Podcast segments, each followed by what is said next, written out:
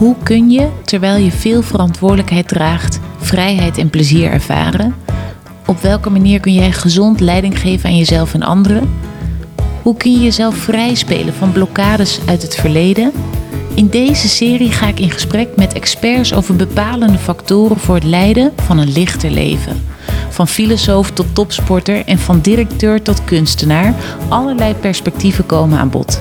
Zodat jij volop inspiratie op kunt doen voor jouw leven. Altijd met de reflectie van mij, Emma Hafkamp, psychotherapeut, coach en eigenaar van Praktijk Lux. Leven in het hier en nu. Is dit nou bevrijdend of juist beperkend? Dat hoor je in deze aflevering, waarin ik reflecteer op een thema uit het gesprek met Damaris Matthijssen. Want ja, zij vertelde heel mooi in het gesprek dat er een verschil is tussen eigenlijk uh, het leven, aards leven en leven naar je ster. En, en uh, volgens Damaris was, is het voornaamste verschil is dat het leven hier op aarde ja, vasthoudt in structuren waarin we opgegroeid zijn. Zodat kunnen eh, letterlijk de structuur in de samenleving en de bestaande structuur in de economie zijn, maar zeker ook de overtuigingen die je uit je opvoeding hebt meegekregen of bepaalde leefregels. Die dingen die jou dus eigenlijk vasthouden op de plek waar je nu staat. En dat staat uh, ja, misschien wel in contrast, of in ieder geval op spanning, of is een speelveld waarin je beweegt met naar je ster toe leven. Dus eigenlijk uh, ze, Damara zegt heel mooi dat je gaat worden wie je bedoeld bent om te zijn. Uh, dat je gaat leven naar wat er voor jou in het verschiet ligt. Wat jij aan waarde kan brengen op deze aarde, waarin jij maximaal tot uiting en, en potentie kan komen. Maar dat gaat dus veel meer over dromen die je hebt, over de toekomst, over wie jij kan worden, over wat jij kan betekenen in deze samenleving, deze maatschappij. En dat deed mij denken aan hoe het natuurlijk ook heel veel gaat, vaak over hoe goed het is om in het hier en nu te leven. En dat raakt dan veel meer aan hè, de kracht van het nu. Het voor vele mensen bekende boek van Eckhart Tolle.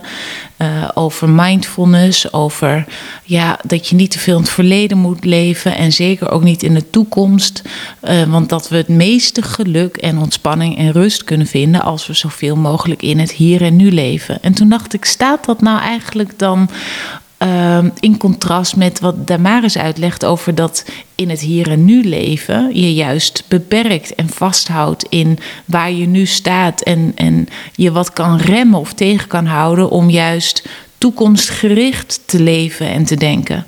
Dus ik dacht dat is een mooie thema of aflevering voor nu om uh, daar wat dieper in te duiken. Van hoe ga je daar nou mee om? Want zijn het nou twee contrasten of kun je ze eigenlijk met elkaar verenigen? En de kracht van het nu noemde ik net al eventjes uh, een aantal uh, voordelen van op. Dat het gaat over als je um, heel erg goed in het nu kan leven, dat je daarmee meer een grotere kans hebt op ontspanning. Omdat je gedachten die gaan over het verleden en over de toekomst beter los kan laten. Maar dat je echt aanwezig kan zijn in het moment en kan voelen hoe het met je gaat en wat er in dat moment nodig is. Het helpt om minder te piekeren. Hè, zeker als er dus veel negatieve gedachten zijn over zowel het verleden als het heden. Als je in het hier en nu leeft, hoef je geen aandacht en energie te besteden aan die piekergedachten. Dus dat helpt om, om het minder te doen. Daarmee kan het ook helpen om stabieler te zijn in je emoties. Als je veel in het hier en nu kan leven, word je minder meegenomen over, door uh, gedachten die gaan over: oh, die fout heb ik gemaakt. Of oh, stel nou dat ik straks dat en dat doe en dat gaat mis. En daar word je bijvoorbeeld angstig van of verdrietig van. Ja, die emoties zijn er minder als je die gedachten minder hebt, doordat je meer in het hier en nu aan het leven bent. Tegelijkertijd uh, geeft Damaris dus heel mooi aan hoeveel kracht er juist ook in verbeelding zit. Wat je zou kunnen uitleggen als juist toekomstgericht denken. en dus minder in het hier en nu, maar juist over dromen over de toekomst, over groot durven denken, over uh, doelen die je wilt behalen of over creativiteit. Durven nadenken over nieuwe vormen uh, in misschien wel je organisatie, je bedrijf. Of uh, nou, een mooi voorbeeld ook van de Maris, hoe, wat voor school je wil dat je kinderen naartoe gaan. maar het kan ook over gaan over bepaalde vrije tijdsbesteding, vrijwilligerswerk. Uh, over, nou ja, groter, de economie, de maatschappij. Dat gaat dus allemaal over dingen die in het hier en nu nog niet of te weinig of in geringe mate bestaan, maar waarvan jij wel hoopt en durft te dromen over wat er gaat komen. En zonder dit dromen over wat er potentieel mogelijk is, kom je ook minder snel in beweging. Ga je ook minder snel stappen zetten die naar dat bepaalde doel of naar die bepaalde droom toe kunnen, uh, jou toe kunnen brengen. Toekomstgericht denken en verbeelden en dromen gaat dus over verlangen naar iets waar je naartoe wil, naar iets wat jij verlangt voor jezelf, voor de mensen om je heen, voor grotere maatschappij, de aarde, de, de wereld. En juist de kracht van verbeelding zit er dus in dat het die creativiteit aanwakkert en dat het je een kans biedt om in het hier en nu stapjes te gaan zetten, hoe klein dan ook, die richting dat doel gaan. Nou ja, dan heb je dus de kracht van in het hier en nu leven en de kracht van juist toekomstgericht eh, denken en van de verbeelding. Hoe zit dat nou? Nou, wat mij betreft ligt de oplossing in bewust hierover nadenken. dus eigenlijk wat je mij hoort zeggen is dat er in beide vormen, zowel in het hier en nu leven als in toekomstgericht denken of de verbeelding, daar zitten krachten in. Dus het gaat niet over en of of de versus, zoals ik in de titel van deze podcast-aflevering heb gezet. Maar het gaat over en en.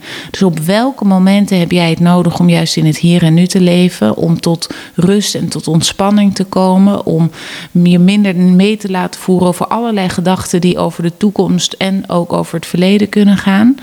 En wanneer heb je juist nodig dat je juist wel je verbeelding aanspreekt. Dat je durft te groot te denken en te dromen over de toekomst. En daarmee kan kijken welke stap je in het hier en nu kan zetten. Om dichterbij, elke dag een klein stapje dichterbij, die droom of dat doel te kunnen komen. Dus bewust nadenken over welke strategie het meest passend is in het moment, in de situatie uh, waar je in zit en met welk doel je bezig bent. Daar ligt de oplossing, zodat jij maximaal profiteren van zowel de kracht van het nu als de kracht van verbeelding. Ik hoop dat je genoten hebt van de aflevering en dat je geïnspireerd bent geraakt. Wil je geen enkele aflevering missen? Abonneer je dan op de Lichter Leven podcast door op de knop volgen of abonneer te klikken.